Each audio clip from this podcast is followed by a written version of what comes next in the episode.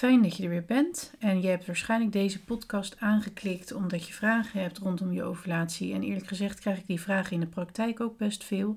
wat, kan ik nog wel zwanger worden als ik na dag 14 overleer? Uh, wanneer is mijn ovulatie nou eigenlijk? Uh, wat kan je doen uh, als je ovulatie laat is of misschien niet komt? Hè? Een anovulaire cyclus noem je dat. En daar gaan we het over hebben in deze podcast. Um, omdat ik deze vraag ook vaak krijg in de praktijk. Uh, en met deze podcast wil ik graag bespreken wat ovulatietiming nou eigenlijk is. Uh, en waarom dat zo belangrijk is. En waarom het afwijkend zou kunnen zijn. En wat je er dan aan kan doen. Of wat je in ieder geval zou kunnen onderzoeken. Om de oorzaak helder te hebben. Zodat je daar een plan bij kan maken. Nou, om te weten of je laat of helemaal niet overleert. Moeten we natuurlijk eerst hebben over wat nou eigenlijk um, het juiste moment is om je ovulatie te hebben. Dus even om weer um, het een en ander op te frissen. Hoe hoort eigenlijk die regelmatige cyclus eruit te zien?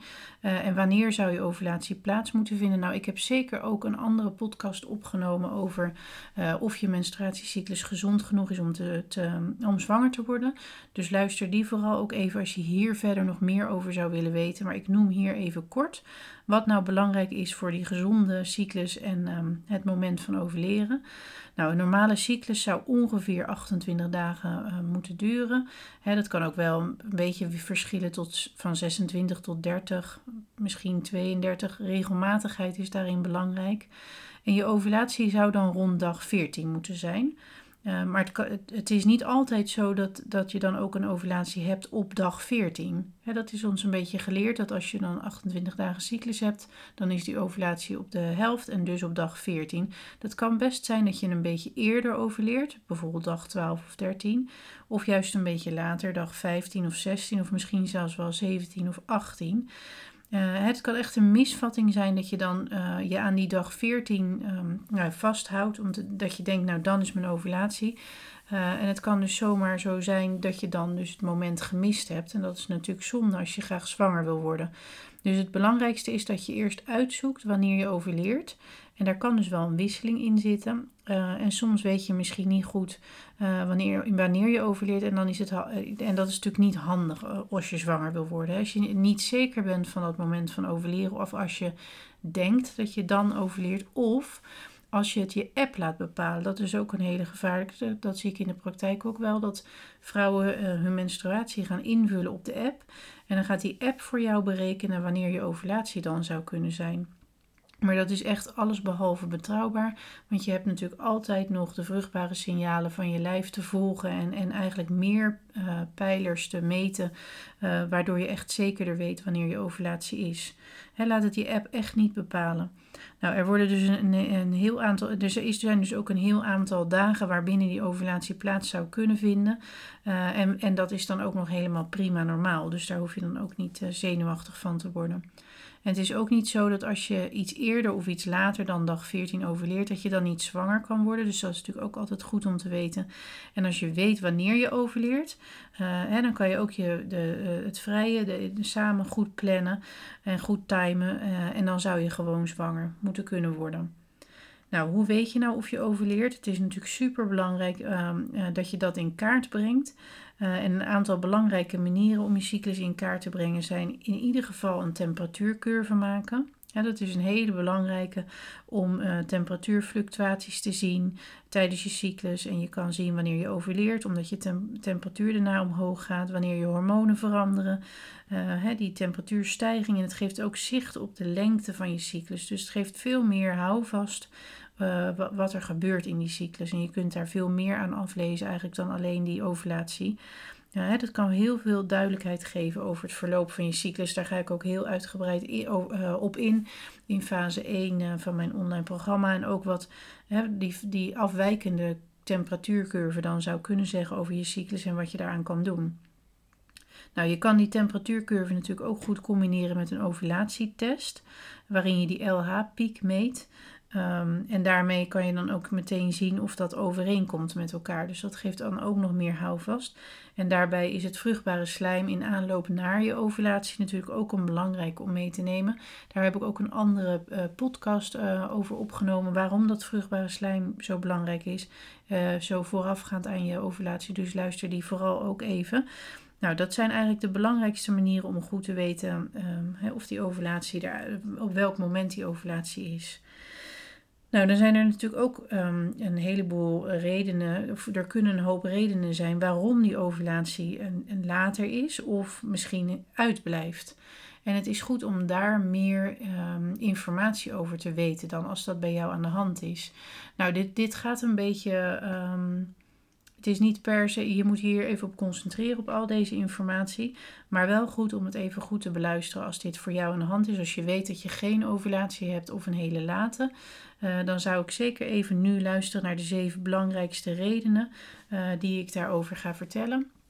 Uh, zodat je kan kijken wat mogelijk voor jou geldt. Zodat je weet welk onderzoek je zou kunnen doen of waar je verder naar zou kunnen gaan kijken. Nou, één um, is wel de verhoogde cortisol levels. Hè. Cortisol is het stresshormoon. En dat gaat omhoog als we meer stress hebben. Dus dat is natuurlijk op zich prima als dat maar kort duurt. Maar als dat maar blijft duren en het gaat maar niet naar beneden, eh, dan kan dat invloed hebben op je cyclus. En, want die cortisol levels, levels die veranderen ook in de dag. Hè. Als je uh, wakker wordt, dan zijn je cortisol levels hoger. Dat maakt dat, dat je wakker wordt. En dan richting bedtijd gaat dat weer naar beneden, zodat dat zorgt hè, dat je goed uh, kunt slapen. Um, je kan dus verschillende momenten in de dag hebben waar je cortisol verhoogd is. Uh, of het kan ook in zijn totaliteit verhoogd zijn, of helemaal totaal verlaagd. En dan heb je eerder natuurlijk die uitputting daar, van, die, van die stresshormonen. Dan heb je echt al veel langer stress. Uh, en dat heeft dan ook weer invloed op die geslachtshormonen. Dus stress is inderdaad echt een, een belangrijke om voor jezelf na te gaan. Uh, dat kan natuurlijk op heel veel gezondheidsissues invloed hebben, maar vooral ook uh, op de hormonen die het onderuit haalt. En daarmee wordt dan die ovulatie vertraagd of wellicht gestopt. Um, en dat komt best veel voor. En, zeker bij PCOS bijvoorbeeld ook, maar ook bij andere cyclusklachten. Uh, dus het is een belangrijke vraag aan jezelf: hoe is het met mijn stresslevels? Want stress, uh, dat is wel heel goed om dat ook te bespreken. Dat maakt het ook wel weer tegelijk ingewikkelder. Uh, stress hoeft niet per se emotionele stress te zijn, of stress die je hebt van bijvoorbeeld veel dingen te doen of je werk.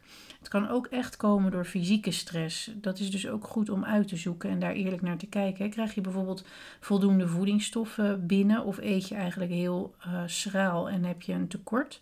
Of is je spijsvertering uh, functioneert die niet goed, waardoor je voedingsstoffen niet goed opneemt? Uh, sport je te veel als uitlaatklep? Uh, sport is absoluut gezond, maar te veel sporten kan ook echt weer stress zijn voor je lijf. Um, nou ja, een traumatische gebeurtenis is natuurlijk wel weer emotioneel. Um, maar het is goed om te kijken um, waarom die stress mogelijk invloed zou kunnen op je hebben op je ovulatie. Want als je onder stress staat, dan is, het, is, dat, is dat eigenlijk altijd prioriteit voor je lichaam. Je lichaam zorgt eigenlijk in die end uh, vooral goed voor jou. Uh, het moet dus eerst andere dingen oplossen en zet dan mogelijk bijvoorbeeld die voortplanting even op een lager pitje. Hè? Want dat is niet voor jou nodig om te kunnen overleven. Uh, en daarmee heeft je lichaam het dan moeilijk om je sekshormonen te reguleren. Dat gaat dan over FSH, LH en de oestrogenen. en het heeft zeker ook een impact op progesteron. Um, als je, want cortisol en progesteron worden weer van hetzelfde moederhormoon gemaakt. Dus als je veel cortisol aanmaken, uh, aanmaakt, dan gaat dat ten koste van je progesteron. Um, nou, dus dat is zeker goed om, uh, hè, als, die, als die bijnieren cortisol produceren, dan sturen ze ook een signaal naar je hypofyse weer. En je hypofyse die produceert op zijn beurt dan weer LH, FSH, testosteron en prolactine. Uh, en dat kan dus je ovulatie verstoren. Dus als, als, als dat signaal naar die hypofyse niet goed verloopt, of hè, die wordt ge, daar wordt gezegd, hé, hey, je moet dat even op een lager pitje zetten, dan uh, worden die hormonen in een mindere mate geproduceerd. En dat kan dus weer invloed hebben dan op die ovulatie. Stress kan dus zeker een oorzaak zijn van die late of geen ovulatie. En het is echt goed om hier naar te kijken. En je kan dus ook overwegen om een adrenale stressindex te maken. Bijvoorbeeld, dat is een speekseltest waar je dan over de dag heen zeven buisjes met uh, speeksel moet vullen. En dan meet je dus die verschillende momenten van eh, die cortisolspiegel door de dag heen, waardoor je een heel goed beeld krijgt hoe het met je stresshormonen is en of dat mogelijk een invloed heeft op jouw ovulatie, hè, ofwel de verlaten of de uitblijvende ovulatie. Uh, nou ja, nogmaals, zeker dus goed om daar even goed naar te kijken hoe het met jouw stress zit. Nou, verhoogd testosteron. Ehm, in de, meeste, dat komt natuurlijk heel veel voor bij PCOS. maar het kan ook zonder PCOS aan de hand zijn. Een verhoogde testosteronwaarde kan de reden zijn voor een anovulatie of een late ovulatie. Dus de anovulatie is dat die echt uitblijft. Um, in ieder geval zijn verhoogde testosteronwaardes verstorend op je uh, cyclus. Um, en dat is wel de reden waarom het zo belangrijk is om je hormonen ook te laten checken. Ik zie vaak dat dit eigenlijk heel sumier gedaan wordt. En vaak wordt testosteron bijvoorbeeld niet bekeken. Maar zeker belangrijk om die wel mee te nemen uh, als je geen, geen of een verlaten um, ovulatie hebt. Nou, dan ook nog een interessante is FSH, uh, eh, folliculstimulerend hormoon. Um, we hebben dat er natuurlijk vaak als het over kinderwens gaat, over, uh, als het te hoog is. Hè, dan um, vrouwen die uh, verhoogde FSH en lage AMH hebben, die krijgen dan een beetje zo'n voorspellende... Um, hè, dat de eicelvoorraad nou ja, niet, niet optimaal meer is, dat, dat, dat er weinig eicelvoorraad is. Maar als, de F, eh, als FSH te laag is, dan kan dat ook weer invloed hebben op je ovulatie. Uh, en dat wordt eigenlijk niet zo, ja, daar, daar hebben we het eigenlijk niet zo vaak over, maar is wel belangrijk om naar te kijken. Het kan dus ook te laag zijn en beter komt het eigenlijk niet lager dan 5. En als dat wel zo is, dan zou je kunnen onderzoeken waardoor dat dan mogelijk komt. Um, want ook FSH wordt weer gemaakt in die hypofyse. Uh, en als FSH te laag is, dan duurt het te lang voordat die eicel uh, gaat rijpen uh, voor die ovulatie. Dus dat is, um, um, als dat dan te lang duurt, dan duurt het ook te lang voor die oestrogenen om te stijgen. En daardoor is er dan geen signaal voor die stijging van LH. Dat is dat ovulatiehormoon. En dus dan is je ovulatie verlaat of overgeslagen. Dus dat kan een reden zijn, dus, dus dat dat niet goed verloopt. Dus je moet erachter zien te komen waarom dat aan de hand zou kunnen zijn. Uh, en wat je kan doen om dat te herstellen. En een van de belangrijke redenen waarom je hypofyse beïnvloed is, en daardoor dus die FSH te laag zou kunnen zijn, is wel de anticonceptie. De anticonceptiepil is door veel vrouwen eigenlijk best lang gebruikt. Um, ja, en dus een van de dingen die dat kan veroorzaken is een te lage FSH-waarde. Uh, en en daar, ja, daar kan dat, dat, dat, dat kan dus die pil beïnvloeden. Dus het is goed om um, nou ja, daar naar te kijken. Uh, wat ook een oorzaak zou kunnen zijn, is, um, is het langere tijd gebruiken van hormonen om je vruchtbaarheid te vergroten. Uh, en natuurlijk ook andere medicatie. Dus kijk ook even goed terug in je tijdlijn uh, naar je andere medicatie. En als je nou heel lang de pil gebruikt hebt, de anticonceptiepil, dan is het vooral een goed idee om te zorgen dat je lever gezond uh, wordt en dat die de, resten en, en de hormoonhuishouding weer goed in balans kan brengen. Dus overweeg dan zeker om nou ja, aandacht aan je lever te geven om die hormonen allemaal weer gezonder te maken. Um, nou, en een volgende eh, belangrijke die invloed zou kunnen hebben op de ovulatie is prolactine. Nou, ik weet niet of je, of je dat weet, maar prolactine stijgt als je borstvoeding geeft. Uh, dat kan bijvoorbeeld zo zijn, eh, het kan bijvoorbeeld zo zijn dat je al een kindje gekregen hebt en dat je borstvoeding gegeven hebt en bent gestopt, maar dat prolactine nog verhoogd is omdat je lichaam misschien niet herkend heeft dat het weer naar beneden mag. Dat zou bijvoorbeeld een oorzaak kunnen zijn. Of je prolactine kan ook verhoogd zijn als er een kleine kieste zit op je hypofyse. Maar dat is wel vaak goed aardig, dus niet meteen iets om je zorgen over te maken. Um, en als je prolactine verhoogd is, dan onderdrukt dat die ovulatie. Dat, dat, dat, dat, zullen de, dat zal je herkennen als je misschien wel een, al een kindje gekregen hebt en borstvoeding gaf. Dan duurde het even voordat je menstruatie weer op gang uh, kwam. Zeker als je volledig borstvoeding gaf in het begin, in die eerste maanden, dan blijft die menstruatie vaak uit. Uh, en dat kwam eigenlijk omdat prolactine dan verhoogd was, zodat je die borstvoeding kon geven. En daarmee werd dan eigenlijk die ovulatie onderdrukt, want je hoeft op dat moment niet weer een nieuwe, nieuw kindje te krijgen, uh, maar je had al een baby om voor te zorgen. Dus als je prolactine verhoogd is, dan denkt je lichaam eigenlijk dat je borstvoeding geeft en dan onderdrukt dat die ovulatie. En het hoeft dus niet per se zo te zijn dat je al een kindje hebt. Het kan soms dus ook zo zijn dat die prolactine verhoogd is en dat in de geval als, als er geen ovulatie is, is dat altijd wel zinvol om te onderzoeken. Nou, je kan ook verhoogde prolactine levels hebben door lage dopaminewaarden. Uh, dat is een neurotransmitter. en als je dat wil beïnvloeden, dan moet je eigenlijk vooral zorgen voor veel blijheid in je leven. Dus ga vooral veel dingen doen waar je blij van wordt. Dat is weer goed voor je neurotransmitters en daarmee ook weer voor je hormonen.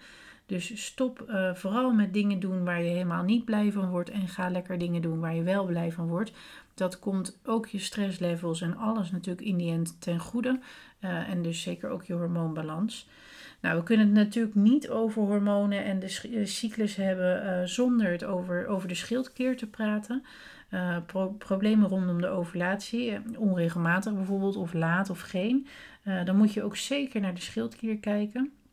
Uh, je moet uitzoeken of je een trage schildklier hebt, hè, dan is TSH verhoogd.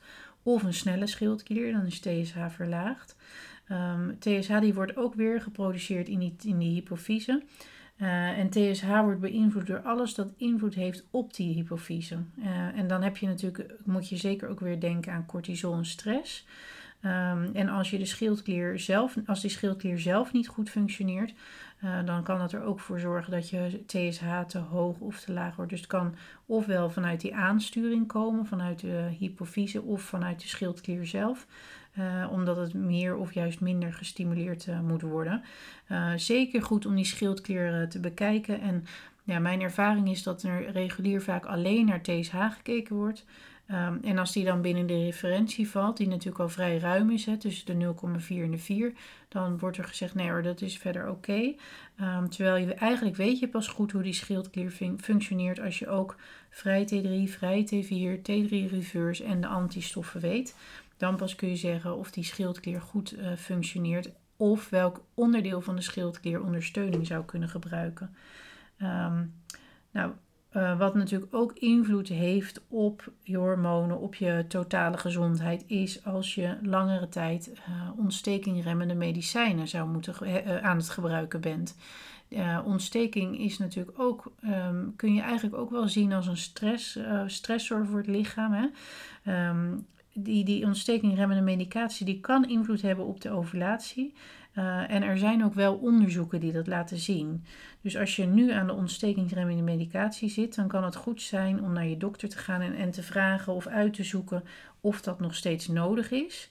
Um, of dat je wat je kan doen om het probleem misschien helder te krijgen, zodat er misschien um, geen ontstekingsremmen meer nodig is, of dat er misschien een andere oplossing is voor de oorzaak.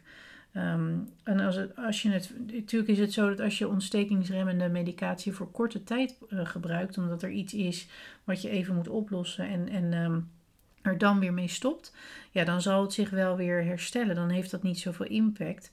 Maar als je het al langer gebruikt, um, dan is het wel echt goed om te kijken of je daarmee zou kunnen stoppen en als er, of er andere opties zijn. Dat moet je natuurlijk altijd begeleid doen. Uh, zeker als er uh, nou ja, als je dat al langer uh, gebruikt en chronische ontsteking is, uh, ga dat niet zomaar zelf doen, maar laat je daarin begeleiden. Uh, en vaak is het dan toch echt wel goed om naar de oorzaken van die ontsteking op zoek te gaan. en daar heb je dan vaak aanvullende onderzoeken voor nodig. Vaak is mijn, tenminste mijn ervaring is dat dat dan vaak te weinig onderzocht is, waardoor je eigenlijk de trigger niet weg kan halen. En dan blijft er natuurlijk ontsteking in je lijf en dan kan je dat wel onderdrukken met, met, met medicatie, maar uiteindelijk is dat natuurlijk niet de oplossing voor het probleem. Nou, wat zeker ook invloed kan hebben op die uh, ovulatie, al, ofwel te laat of uitblijvende, is dat je te weinig voedingsstoffen binnenkrijgt of te intensief sport. Um, als je te weinig calorieën of voeding rijk aan voedingsstoffen eet, omdat je bijvoorbeeld gewicht wil verliezen of, of, omdat je, nou ja, om wat voor reden dan ook, dan heeft dat invloed op die ovulatie. En hetzelfde geldt ook voor te intensief sporten. En um, nou ja, voeding hè, die, die, die te arm is aan voedingsstoffen, heeft natuurlijk sowieso invloed op uh, je, je hormonen, uh, op het kunnen bouwen van je hormonen, maar ook op het voeden van de, van de cellen in je hele lijf. Dus ook de eicel, de kwaliteit van de eicel, heeft daar natuurlijk ook onder te lijden. Dus voeding is echt een ongelooflijk belangrijk onderdeel om uh, goed te hebben als je je vruchtbaarheid, eicelkwaliteit, um, ovulatie, cyclus, hormonen wil verbeteren. Um, en te intensief sporten, nou ja, ik noemde hem net bij stress natuurlijk ook al, dat kan ook zeker een stressor zijn voor je, voor je lijf. Dus kijk daar ook eerlijk naar of je daarin te veel van jezelf vraagt. Um, En ja, kijk dus wat je kan doen om je voeding te verbeteren, om, zodat je goede voedingsstoffen binnenkrijgt en uh, beweging doet die bij je past, maar daar vooral ook meer ontspanning in aanbrengen. Uh, en dan zou je moeten zien dat je cyclus weer uh, herstelt en regelmatiger wordt.